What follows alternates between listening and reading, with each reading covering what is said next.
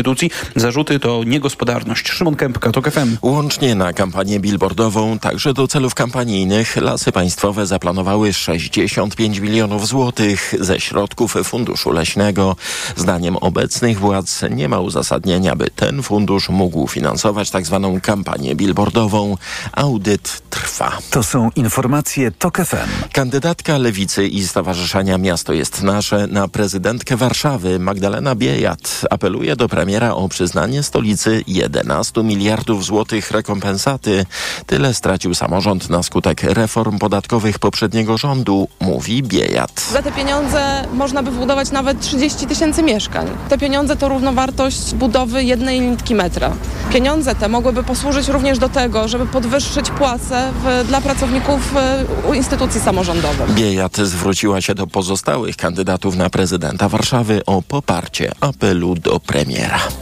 Do poniedziałku trwają prekonsultacje w sprawie odchudzenia szkolnej podstawy programowej, w tym zmian w kanonie lektur z języka polskiego. Resort Edukacji proponuje wykreślenie z listy obowiązkowych lektur na przykład niektórych dzieł Adama Mickiewicza, a także syzyfowych prac Stefana Żeromskiego czy Romea i Julii Williama Szekspira. Uczniowie nie musieliby też czytać pana Tadeusza w całości. Tych lektur jest po prostu za dużo, mówi wiceministra edukacji Katarzyna Lubnauer. Mam wrażenie, że nasi poprzednicy zrobili wszystko, żeby kanon lektor zniechęcał do czytania młodzieży na całe życie. Ktoś policzył, że oczekuje się od młodego człowieka w liceum, żeby przeczytał 10 tysięcy stron lektur. Poza tym te lektury często są napisane archaicznym językiem, w sposób niezrozumiały dla uczniów, w związku z tym zniechęcają zamiast zachęcają do czytania. O propozycji nowej listy lektur więcej w popołudniu Radia Tok FM po 12.40. Anna Piekutowska porozmawia z polonistką Annetą Korycińską, założycielką strony Baba od Polskiego. Jeden z najlepszych piłkarzy świata, Kylian Mbappé, poinformował władze Paris Saint-Germain, że odchodzi.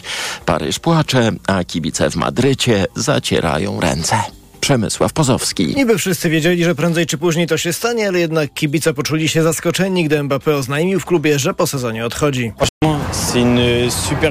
Szczerze, to duża strata dla PSG. Nie spodziewaliśmy się tego, choć było dużo plotek, ale dla jego kariery to dobrze. Lata mijają, on wciąż nie ma złotej piłki.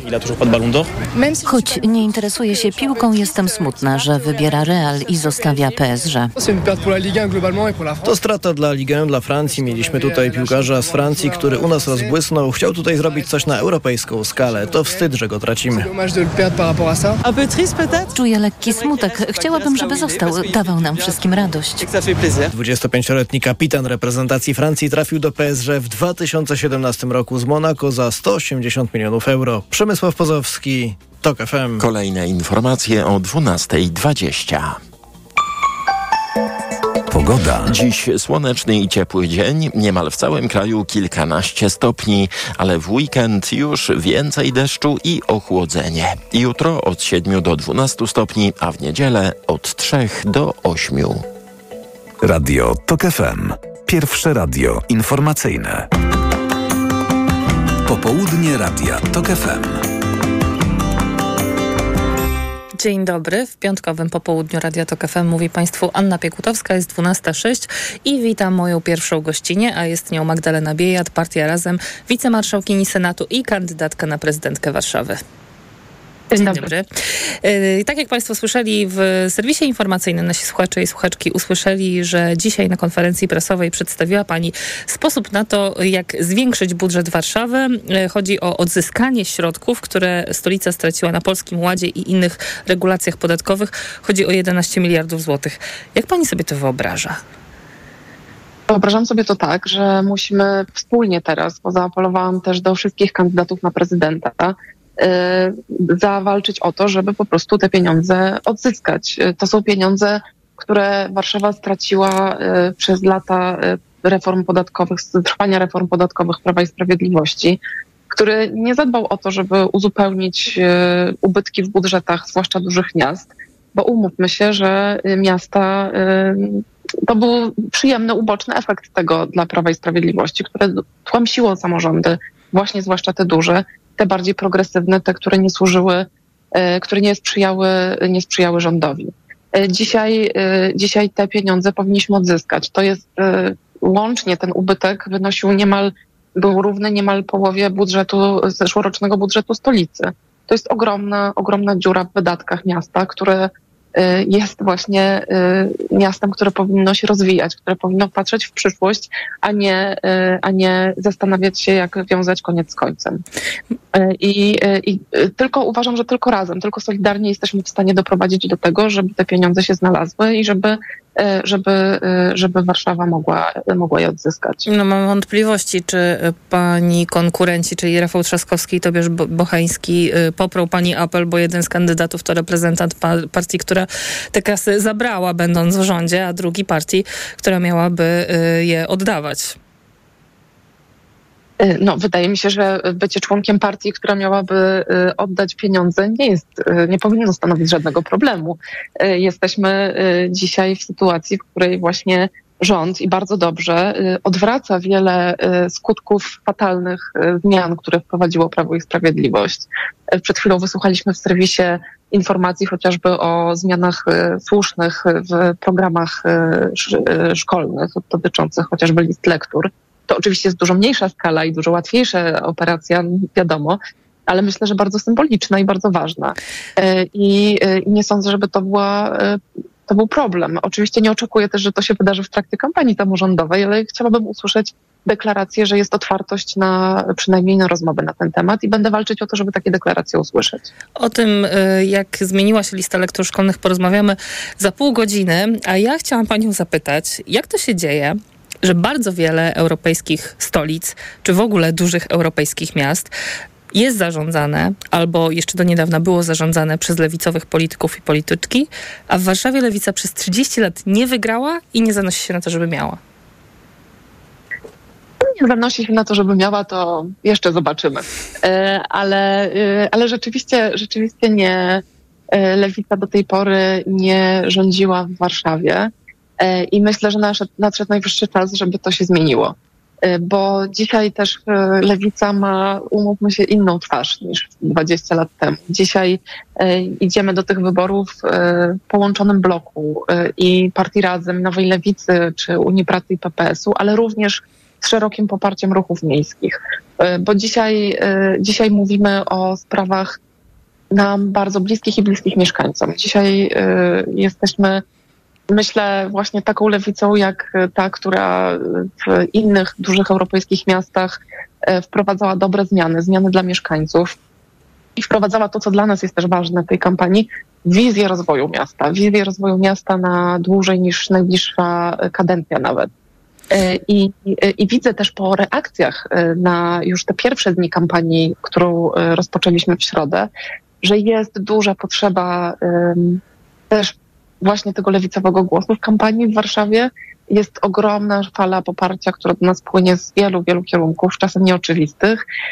I takie poczucie, że tak, że to jest ten moment, kiedy mamy wreszcie przestrzeń na to, żeby nie bronić Warszawy przed pisem, żeby nie obawiać się tego, y, jaka ta Warszawa może być, tylko raczej rozmawiać z nadzieją o tym, jakiej Warszawy chcemy, jak ona ma wyglądać właśnie za 10-15 lat. No faktycznie, zgodzę się z panią, że Tobiasz Bocheński raczej nie ma szans z Rafałem Trzaskowskim, a parę lat temu jeszcze była taka obawa, że PiS jest silny, że idzie do przodu i że y, niektórzy straszyli na przykład, że Patryk Jaki może zostać prezydentem Warszawy. Raczej dzisiaj już w taką mobilizację elektoratu nikt nie wierzy, co sprawia też, że y, jest więcej pola do, do popisu, do zagospodarowania y, dla pani wśród y, nie tylko tej lewicowej części wyborców i wyborczyń, ale też tej liberalnej. I chciałam zapytać, co pani ma do zaoferowania dla tych, którzy właśnie, no może nie podzielają wszystkich pani postulatów, ale no niekoniecznie chcą na Trzaskowskiego e, głosować. Krótko mówiąc, co pani oferuje y, liberalnej klasie średniej?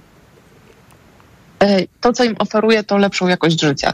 To mieszkanie, to mieszkanie, na które ich stać, bo dzisiaj Mówimy, y, w Warszawie niestety coraz trudniej się żyje ze względu na ceny mieszkań i to dotyka coraz mocniej właśnie klasę średnią. Y, niezależnie od tego, y, na kogo głosuje, jakie ma poglądy, coraz częściej ludzie, którzy zarabiają nawet średnią krajową, mają problem z, z dopięciem budżetu domowego przez ceny czy to najmu, czy, czy kupna mieszkań w Warszawie, których średnia cena wynosi teraz 17 tysięcy złotych za metr kwadratowy. E, I e, niestety w Warszawie kompletnie położono politykę mieszkaniową. E, dość powiedzieć, że w latach 2018-2023, to Szczecin budował więcej y, mieszkań czynszowych dla klasy średniej niż Warszawa, która przecież jest dużo większe, ma dużo większy budżet i dużo większe możliwości. Tak, ja, ja wiem, że pani mówi dużo o budowaniu TBS-ów i w ogóle tanich mieszkań na wynajem, a mnie ciekawi, jaki pani ma pomysł na mieszkania, które już w Warszawie są. I mówię o tych z, mhm. zasobu mieszkaniowego, bo podobno miasto mhm. nawet nie do końca samo wie, ile mieszkań w Warszawie należy do miasta i co się z nimi dzieje. A z drugiej strony jest bardzo wiele mieszkań w prywatnych rękach, które stoją puste. Według szacunków może być nawet 20%. I to jest oczywiste, że gdyby mm, te mieszkania też trafiły trafiły na rynek najmu, ceny by spadły. Jak to zrobić? Jakie tutaj ruchy może wykonać prezydent? Tutaj, e, tutaj po stronie e, prezydenta e, jest, jest na pewno jeśli chodzi o kwestie pustostanów, które należą do miasta, jest oczywiście ogromna przestrzeń do, do poprawy, zarówno jeśli chodzi o porządne zewidencjonowanie tych, tych pustostanów, jak i włożenie większych, większych środków i większego też nacisku położenie na to, żeby je remontować w sposób też, nie chcę teraz chodzić w szczegóły, ale można to robić też w sposób bardziej e, wydajny i, e, i szybszy. Natomiast e, ja osobiście miałam też takie doświadczenie interweniując w sprawach lokatorskich, że czasami było tak, że dopiero po mojej interwencji nagle w jakimś domu, w którym budynku, w którym było dużo pustostanów, zaczynały się, zaczynały się remonty w tym budynku. Że tak jakby właśnie miasto czy dzielnica nie do końca zdawało sobie sprawę, że, że tam akurat te pustostany są. Więc rzeczywiście jakiś ten problem, jakiś tutaj problem jest. A mieszkania prywatne? Podatek katastralny? Z mieszkaniami prywatnymi my proponowaliśmy, zresztą wspólnie z Miasto jest Nasze pod koniec zeszłej kadencji, e, zmianę, e, zmianę ustawodawstwa na poziomie krajowym, żeby samorządy mogły nakładać, e, nakładać dodatkowe opłaty na te mieszkania, które stoją puste. E, natomiast, e, natomiast tutaj potrzebne jest też zdecydowanie wsparcie ze strony e, państwa i o takie wsparcie zresztą będziemy też zabiegać, bo no, jak pani dobrze wie, mieszkań nie odpuścimy. Dla nas to jest oczywiste, że tak dużego kryzysu, jaki mieliśmy do tej pory, jaki mamy teraz, nie możemy zamiatać pod dywan, bo będzie tylko gorzej. Pani I Warszawa wpływa też w tym, że, że po prostu coraz mniej ludzi jest gotowych tutaj mieszkać. I kiedy na przykład rozmawiamy o systemie edukacji, który też dla mnie jest ważnym tematem w Warszawie, Mówimy o tym, że brakuje nauczycieli, ale jak ci nauczyciele mają tutaj funkcjonować, jeśli nie stać ich właśnie na to mieszkanie? Y, więc, więc to są wszystko naczynia połączone i z pewnością, z pewnością musimy tutaj zrobić znacznie więcej niż do tej pory zrobiono. Pani marszałkini, słuchałam kilku wywiadów z panią po tym, jak hmm. ogłosiła pani start i rzuciło mi się tak w uszy, że bardzo miło wypowiada się pani o Rafale Trzaskowskim w takim niepolaryzujący sposób. Mówi pani, że prywatnie się znacie. Czy tutaj został zawarty jakiś koalicyjny pakt o nieagresji? Nie, nie, nie mieliśmy żadnego paktu. nie, ale ja po prostu myślę sobie i mam takie głębokie poczucie, że wystarczy nam już tej wojny polsko-polskiej, że to naprawdę, y, o czym już mówiłyśmy dzisiaj, że, że właśnie kandydat PiSu nie jest zagrożeniem, jest ogromną szansą, żeby wreszcie zrobić jakąś kampanię nie y, na konflikcie, tylko na takim po prostu demokratycznym sporze i, i ściganiu się na wizję, na postulaty na program, a nie na wbijanie sobie nawzajem szpil. To jest w ogóle... Ja y, bardzo bym chciała, żeby tak ta kampania wyglądała, bo myślę, że po prostu Warszawa też na taką kampanię zasługuje. To jest bardzo ciekawe, bo ta kampania jest bardzo wyjątkowa, dlatego że y, cała państwa trójka tych oficjalnych kandydatów na urząd prezydenta Warszawy, czyli Trzaskowski, Bocheński i Biejat, jest typowana jako te osoby, te nazwiska, które za y, rok za, z kawałkiem mogą walczyć w tych ogólnopolskich wyborach prezydenckich no co chyba czyni z tych wyborów samorządowych w Warszawie takie pseudoprawybory, taki, taki rozpęd przed wyścigiem o pałac na krakowskim przedmieściu. Ja mogę Państwa zapewnić, że dla mnie te wybory są o Warszawie i tylko o Warszawie. I jeśli zostanę wybrana na prezydentkę Warszawy, to na pewno nigdzie się stąd nie ruszę. I to jest y, coś, co mogę z czystym sumieniem Państwu zadeklarować już teraz. A jeśli okaże się, że tak jak w tych ostatnich wyborach październikowych lewica i pani y, osobiście dostanie słaby wynik, gorszy na przykład niż przewidywały sondaże, nie dostanie się pani na przykład do drugiej tury, to czy za ten rok z hakiem ustąpi pani komuś y, innemu z lewicy pola, żeby się wykazał w wyborach prezydenckich? Uczciwie mówiąc, o wyborach prezydenckich jeszcze nie rozmawialiśmy. Za dużo jest pracy związanej z, z, naprawianiem spraw na poziomie Polski, za dużo jest pracy z przygotowywaniem się do wyborów samorządowych, żeby od razu y, planować wybory prezydenckie. Ja myślę, że, że jeśli chodzi o lewicę, to y, wystawimy kandydata bądź kandydatkę, który będzie Y, będzie silną i pozytywną alternatywą. To jest to, co pokazywaliśmy przez ostatnią kampanię parlamentarną. Y, I tak, ten wynik nie był satysfakcjonujący, ale y, pokazaliśmy mnóstwo liderek, liderek i liderów, którzy mogli wypełnić tę rolę. I myślę, że na pewno będziemy mieli z kogo wybierać. Jestem przekonana, że, że jest duża szansa, żeby rzeczywiście kandydatką na prezydenta była kobieta. I jeszcze króciutko, na jaki ogólnopolski wynik w wyborach samorządowych Lewica liczy? No, liczymy na co najmniej powtórzenie wyniku z e, wyborów e, parlamentarnych oczywiście, ale będzie, zrobimy wszystko, żeby był wie, lepszy. Jesteśmy teraz na trochę innym etapie. Jesteśmy teraz na etapie e, właśnie, no tak jak sama pani mówiła, też innego momentu dla wyborców. Już nie musimy się wszyscy mobilizować przeciwko PiSowi. Możemy, możemy teraz stawiać na konkretny program na to, kogo, kto kogo przekonuje i my będziemy bardzo silnie walczyć o to, żeby w samorządach przekonać wyborców, że ten progresywny głos jest szczególnie ważny. Magdalena Biejat z partii Razem, wicemarszałkini Senatu i kandydatka na prezydentkę Warszawy była moją Państwa gościnią. Dziękuję za rozmowę. Bardzo dziękuję za zaproszenie. Informacje. Do widzenia. Popołudnie Radia TOK FM.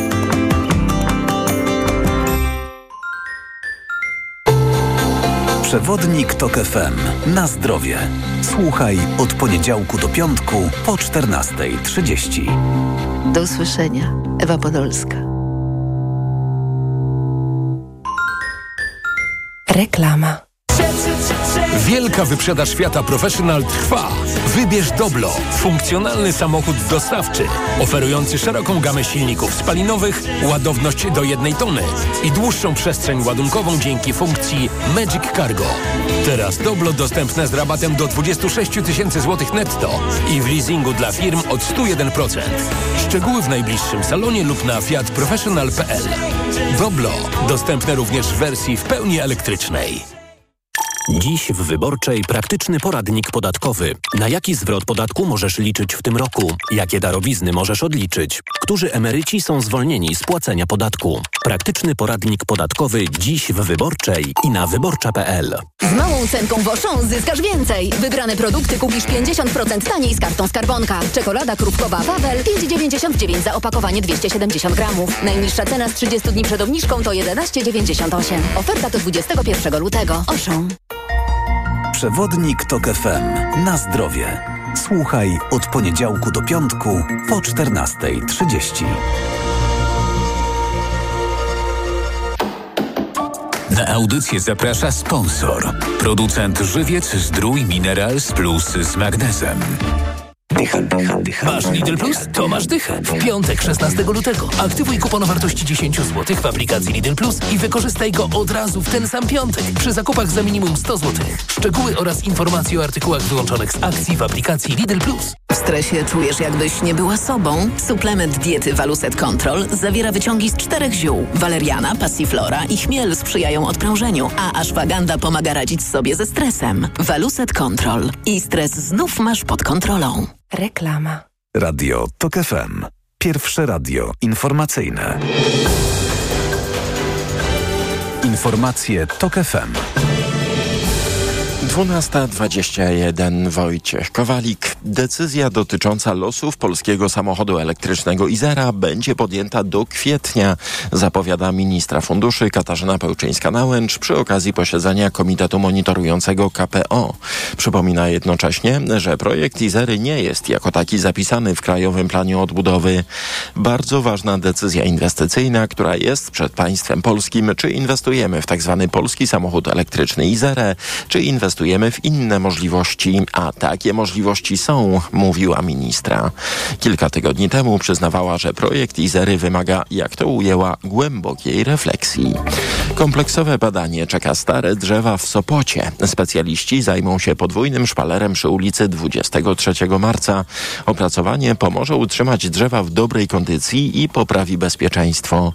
Potrzebę analizy zgłosili sami mieszkańcy w budżecie obywatelskim, mówi Anna Deksińska z Sopockiego Zarządu Dróg i Zieleni. Na tej ulicy rośnie 167 drzew, 113 lip i 54 kasztanowce. Mówimy tu o dużych drzewach. Chcemy sprawdzić, w jakim stanie są drzewa. Każde zostanie opisane od tego, czy ma gniazda, jemiołę czy szkodniki, po jego kondycję i ryzyko złamania czy wywrócenia. Badania i opracowanie ich wyników ma zająć kilka tygodni. Pomnik Kamili Skolimowskiej, zmarłej 15 lat temu mistrzyni olimpijskiej w rzucie młotem, stanął przed Stadionem Śląskim w Chorzowie. Kamila daje nam kopa, żebyśmy się nie wstydzili tego, co robimy, mówił ojciec lekkoatletki Robert. Na chorzowskiej arenie od 2018 roku rozgrywany jest memoriał poświęcony pamięci zawodniczki. Od trzech lat jest zaliczany do elitarnego cyklu Diamentowej Ligi. Wcześniej przed głównym wejściem stadionu stanął również odlany z brązu pomnik piłkarza reprezentacji Polski i ruchu Chorzów Gerarda Cieślika. Kolejne informacje o 12.40. Pogoda. Dziś w pogodzie wiosna, słońce i w większej części kraju kilkunastostopniowe temperatury. 17 we Wrocławiu, 15 w Katowicach i Krakowie, 14 w Szczecinie i Łodzi, 13 stopni w Bydgoszczy i Toruniu, 12 w Trójmieście, Warszawie i Rzeszowie, do 10 w Lublinie i 8 w Białymstoku. Radio TOK FM. Pierwsze radio informacyjne.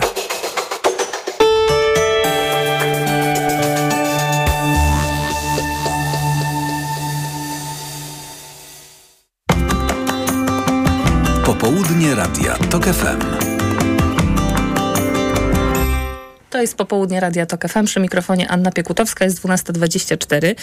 Dwa lata niemalże od pełnoskalowej inwazji Rosji y, na Ukrainę ma premierę raport, który próbuje ocenić sytuację i stan uciekinierek z Ukrainy do Polski, w szczególności kondycję psychiczną i adaptację do życia y, w nowych warunkach. I tytuł tego raportu to Super bohater w spódnicy odporność psychiczna Ukrainek uciekających do Polski przed wojną w Ukrainie, a moją gościnią jest jego autorka, dr Maria Baran, psycholożka z Uniwersytetu SWPS. Dzień dobry. Dzień dobry.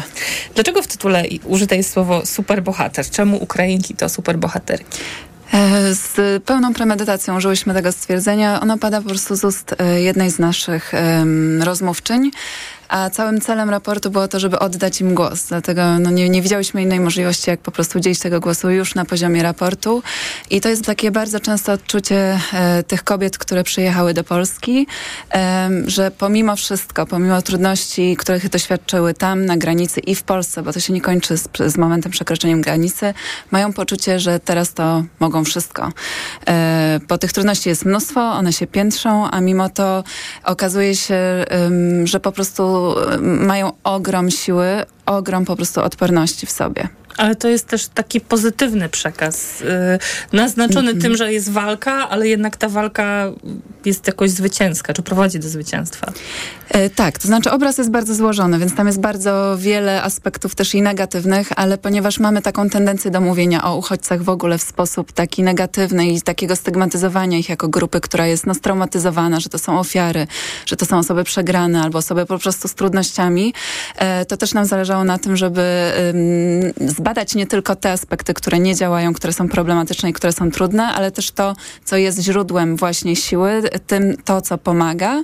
E, I e, no, przyznam, że szukałyśmy też takiego przekazu i on tam jest. Także e, to nie jest tak, że jeżeli ktoś przeżywa taki stres, taki kryzys, to to jest wszystko, co definiuje jego życie. Bo nawet jeżeli się z czymś zmagamy, nawet jeżeli mamy trudności i walczymy tak naprawdę o każdy dzień, kolejny, bo tu się odnoszę do niezaspokojonych potrzeb, które po dziewięciu miesiącach, to badanie było realizowane w zeszłym roku, więc prawie rok minął pobytu tutaj i wciąż były problemy z mieszkaniem, z zabezpieczeniem podstawowych podstawowych potrzeb, z mm, opieką do dzieci, z edukacją dzieci yy, i takie całkiem podstawowe potrzeby. Ale pomimo to były też takie dobre aspekty, takie właśnie jak, jak w tytule raportu, że mam poczucie, że pomimo wszystko ja sobie dam radę, bo mam dla kogo żyć, mam o co walczyć, są dzieci, bo często dzieci są tą główną motywacją po prostu, żeby sobie radzić. Czyli doświadczenie kraju. macierzyństwa również tu tutaj ogromną rolę. Ogromną, tak. Zdecydowanie, zwłaszcza, e, żeby, zwłaszcza jeśli weźmiemy pod uwagę demografię tej grupy, że w dużej mierze są to matki z dziećmi, no też osoby starsze czy osoby z niepełnosprawnościami, ale w dużej mierze jednak kobiety, często z dziećmi. Nie mówię, że matki, bo czasem to są babcie, tak? Więc ta grupa jest bardzo szeroka, szeroka ale chodzi o, o kobiety, które opiekują się e, dziećmi. E, bardzo mnie zaskoczyło w sumie to, że oczywiście opisują e, Państwo to wszystko, co wiąże się z tym traumatycznym przeżyciem e, wojny i uchodźstwa, ale z drugiej strony też e, Państwa respondentki podkreślają, niektóre z nich, że ta migracja była dla nich pewnego rodzaju szansą na nowe otwarcie, na nowe życie. Mhm. Znaczy tu zdecydowanie trzeba zaznaczyć, że to nie jest myśl, z którą one wyjeżdżają z kraju, mhm. bo y, tu 100%... Refleksja y, po czasie. Tak, tak, zdecydowanie tak, bo 100% to jest taki chyba główny mianownik. Żadna z tych kobiet nie chciała tu przyjeżdżać. Niektóre mówiły, że kurczę, gdyby nie wojna, to ja bym, y, no wspaniale tu jest, tak? Gdyby nie ta wojna, to może nawet chciałabym tu przyjeżdżać turystycznie, ale żadna z nich nie chciała jechać do Polski. Były kobiety, które nie miały paszportów zagranicznych, bo nie planowały tego, wszystkie czuły się zmuszone. Więc to jest jakby od tego trzeba zacząć, ale zdecydowanie tak, w trakcie się okazuje, że no właśnie, że już tu jestem, ta wojna niestety ciągle trwa, bo to też towarzyszy taka zawiedziona nadzieja na szybki koniec wojny. Wszystkie miały na to nadzieję. Ale w tym całym trybie życia trochę z dnia na dzień i takiego osadzenia w tej polskiej rzeczywistości pojawia się to, skoro nie mogę wrócić, no to co? To w takim razie zainwestuję siebie w tutaj, potem oddam to na przykład Ukrainie, potem oddam to e, bliskim, zainwestuję w siebie w jakiś sposób. Ale jest to taka refleksja, no i też to, że Polska jest oczywiście częścią Unii Europejskiej, daje też różne inne możliwości na rozwój. E, też są komentarze dotyczące edukacji dla dzieci. To nawet są takie proste rzeczy, że nie ma tu przerw w dostawie prądu, więc dziecko może uczestniczyć, znaczy nie, w ogóle może iść do szkoły z innymi rówieśnikami, tak? Ale nie ma takich problemów, e, z których po prostu e, wojna odziera tych ludzi. Ale to, co pani mówi, trochę wskazuje na to, że powoli znika to poczucie też tymczasowości tej sytuacji? No nie powiedziałabym. Znaczy to, to bardzo jest indywidualna kwestia. Są osoby, u których tak, można tak powiedzieć. Są osoby, które wciąż, yy, powiem tak, jedna z osób to bardzo pięknie oddała, mówiąc, że yy, ja co miesiąc, yy, co miesiąc, to chyba chodziło o wynajem mieszkania, co miesiąc wpłacam, e, wpłacam tę kwotę, czy, czy może o telefon, o telefon, bo to była taka kwestia właśnie e, telefonu tutaj. Co miesiąc opłacam telefon, mając nadzieję, że za miesiąc wyjadę i robię to już od 9 miesięcy. Więc e, to nie, nie odważyłam się powiedzieć, że ta tymczasowość zanika. Mhm. E, pytali Państwo o dobrostan psychiczny, psychologiczny? Mm, tak, tak, tak. Pytaliśmy o to, jak się te osoby czują i to też są bardzo różnorodne kwestie. Są osoby, które sobie radzą lepiej, ale wciąż z taką myślą... Um, to jest trochę porównywalne do tego, jak kogoś stracimy. Że rozglądamy się wokół, patrzymy, kurczę, życie tu wygląda normalnie, ludzie się śmieją, chodzą do pracy, dzieci chodzą do szkoły, a jak to jest, że ten świat dalej trwa.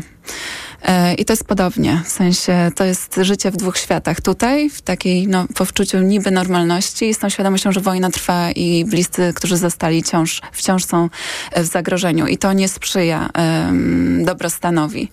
Ale są rzeczy, które też pomagają e, i wiele osób e, szukało takich strategii, które pomagają sobie radzić, jak na przykład nie mogę planować, co będzie za pół roku, bo nie wiem, ale mogę zaplanować, co zrobić dzisiaj z dziećmi, tak, na przykład. Więc to jest taka trochę zmiana w ogóle sposobu myślenia myślenia. No zmiana, która jest wymuszona, ale pozwala sobie radzić. Jest pełno też strategii y, takich dotyczących strategii na już, czyli, no nie wiem, aktywność fizyczna, po, y, jakieś drobne przyjemności, pójście na basen, do kina, na to czasem nie ma funduszy. Y, ale są rzeczy, które są powiedzmy bezkosztowe, dotyczą no, zmiany podejścia do, no trochę takie carpe diem, podejścia do tego właśnie, do, do tej codzienności, tego, co jest ważne w życiu. Więc u wielu osób też taki proces się zadział. Wszystkie z tych kobiet wydaje się, że coś straciły. Nie chodzi mi mhm. tylko o jakiś dobytek, czy, czy po prostu członków rodziny na wojnie, ale utratą też jest ten brak kontaktu, czy ograniczony kontakt z bliskimi, którzy zostali na Ukrainie. Jak ta strata jest przypracowana, jak z nią sobie radzą? No tak, strata zdecydowanie dominuje też te doświadczenia i tu znowu powiem, część sobie radzi, a część sobie zupełnie nie radzi. Um, to jest, no to jest ogromny, ogromny problem i um, naprawdę bardzo zależy od wsparcia, jakie osoby mają, bo zupełnie inna, inna będzie sytuacja osoby, która przyjecha z rodziną e, i często wtedy zmienia się w ogóle myślenie o domu, że dom jest tu, gdzie są bliscy.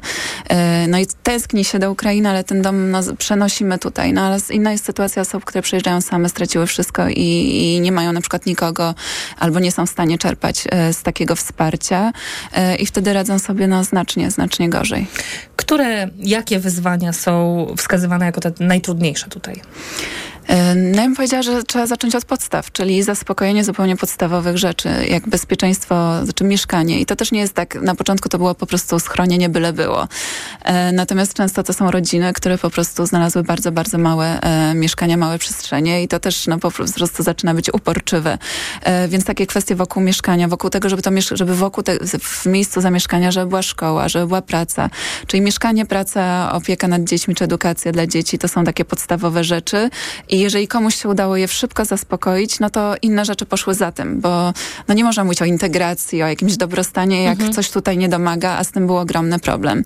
No inne rzeczy to są to, o czym właściwie pani wspomniała, czyli y, y, relacje, które też trudno, a propos straty, y, nawet jeżeli chodzi o kontakt z bliskimi y, w Ukrainie. Tu też się pojawiają pewnego rodzaju problemy, y, jak to, że no właśnie chcemy wspierać te osoby, które są w kraju, ale sami możemy mieć no, też potrzebę wsparcia, niekoniecznie te osoby czują, że mogą się dzielić swoimi problemami, obarczać te osoby tam, tym, z czym zmagają się tutaj, więc nie ma takiego przepływu komunikacji, takiej, takiej wymiany. Więc tu są jakieś niedopowiedzenia, tam z kolei mogą rosnąć jakieś wyobrażenia nierealistyczne, że tutaj jest tak pięknie i wspaniale, a ta osoba po prostu nie chce mówić o tych trudnościach, żeby nie dokładać tego więcej. Więc to są takie, no powiedziałabym, życiowe, codzienne trudności. No i oczywiście trzeba wspomnieć o relacjach z Polakami, które z jednej strony były przepiękne, piękne, wspaniałe i była ogromna solidarność. No to mimo, też... że Ukraińcy są taką grupą y, migrancką, która jest najbardziej akceptowana w Polsce, to i tak jest to, y, te emocje i nastroje zmieniają się na gorsze. Tak, tak. To, to i mamy z jednej strony spadek pomagania i takiej solidarności, który był do przewidzenia, a z drugiej, no a z drugiej po prostu postawy antyimigranckie no, rosną również. W sensie mamy bardzo trudną sytuację, w sensie e, kryzysu. E, no, przy wyborach też uchodźcy wpadli, jakby przenieśli się z kategorii tym, których, którym pomagamy, bardziej do takiej kategorii narzędzia w rękach polityków, więc to wszystko nie pomaga. I czasem wystarczy bardzo niewiele, bo wystarczy jedno, drugie wrogie spojrzenie i to naprawdę, jak się, jak się człowiek z tym spotyka dzień po dniu, to trudno, żeby czuł się tu dobrze u siebie, jak w domu. E, I to są takie rzeczy, które naprawdę potrafią zdefiniować cały pobyt za granicą. Kończy nam się czas, więc proszę o krótką o odpowiedź, ale na koniec warto, żebyśmy powiedziały o tym, że mm, ten raport miał cel i to było takie stworzenie wytycznych i rekomendacji dla NGO-sów, dla trzeciego sektora, jak e, lepiej wspierać osoby uchodźcze z Ukrainy. Zatem jak, tak krótko, jakie są najważniejsze rzeczy do zrobienia, problemy i potrzeby do rozwiązania? Znaczy tak, powiem tak, problemów i potrzeb jest strasznie dużo, natomiast e, najważniejsze rzeczy, którymi warto się kierować, e, to jest to, żeby przede wszystkim słuchać uchodźców i ich potrzeb, ponieważ mamy wiele założeń. Osoby, które pomagały, wolontariusze fundacji miały bardzo dobre intencje, ale nie zawsze to wychodziło, głównie dlatego, że potrzeby nie były konsultowane z grupą docelową e, i kierowaliśmy się często takim myśleniem, że no uchodźca, no to jest właśnie taka biedna, straumatyzowana ofiara, więc będzie potrzebować na przykład głównie pomocy psychologicznej. Okazało się, że no nie do końca jest to główna potrzeba, no nie jest to w ogóle główna potrzeba i nie dla wszystkich.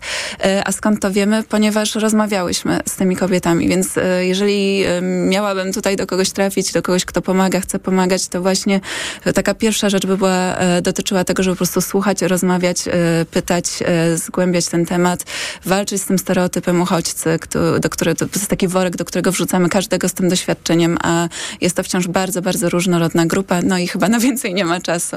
No ale to brzmi mhm. jak takie proste rozwiązanie, bliskie z Bo doświadczeniu te, zwykłego człowieka. tak, te rozwiązania są często bardzo proste, tylko y, trzeba je dostrzec. Doktor Maria Baran była moją gościnią, psycholożka z Uniwersytetu SWPS i współautorka raportu, o którym rozmawiałyśmy. Superbohater w Spódnicy, odporność psychiczna Ukrainek uciekających do Polski przed wojną w Ukrainie. Ja Państwa zapraszam na, skrót, na informacje Radia Tok FM. Popołudnie Radia TOK FM.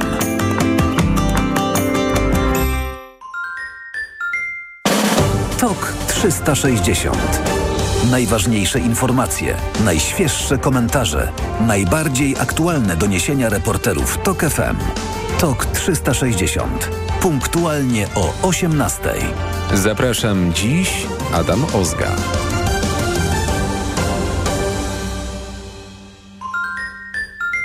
Reklama. RTV Euro AGD. Sensacja! Wystartowały Euro Super Days, a w nich do 29 lutego super rabaty na produkty objęte promocją. A dodatkowo dostawa, wniesienie, montaż i wiele innych usług w ekstra niskich cenach. I do czerwca nie płacisz. Do 40 lat 0% na cały asortyment. RRSO 0%. Promocja ratalna do 5 marca. Szczegóły i regulamin w sklepach i na euro.com.pl. Codzienny magazyn motoryzacyjny. Od poniedziałku do piątku o 19.40.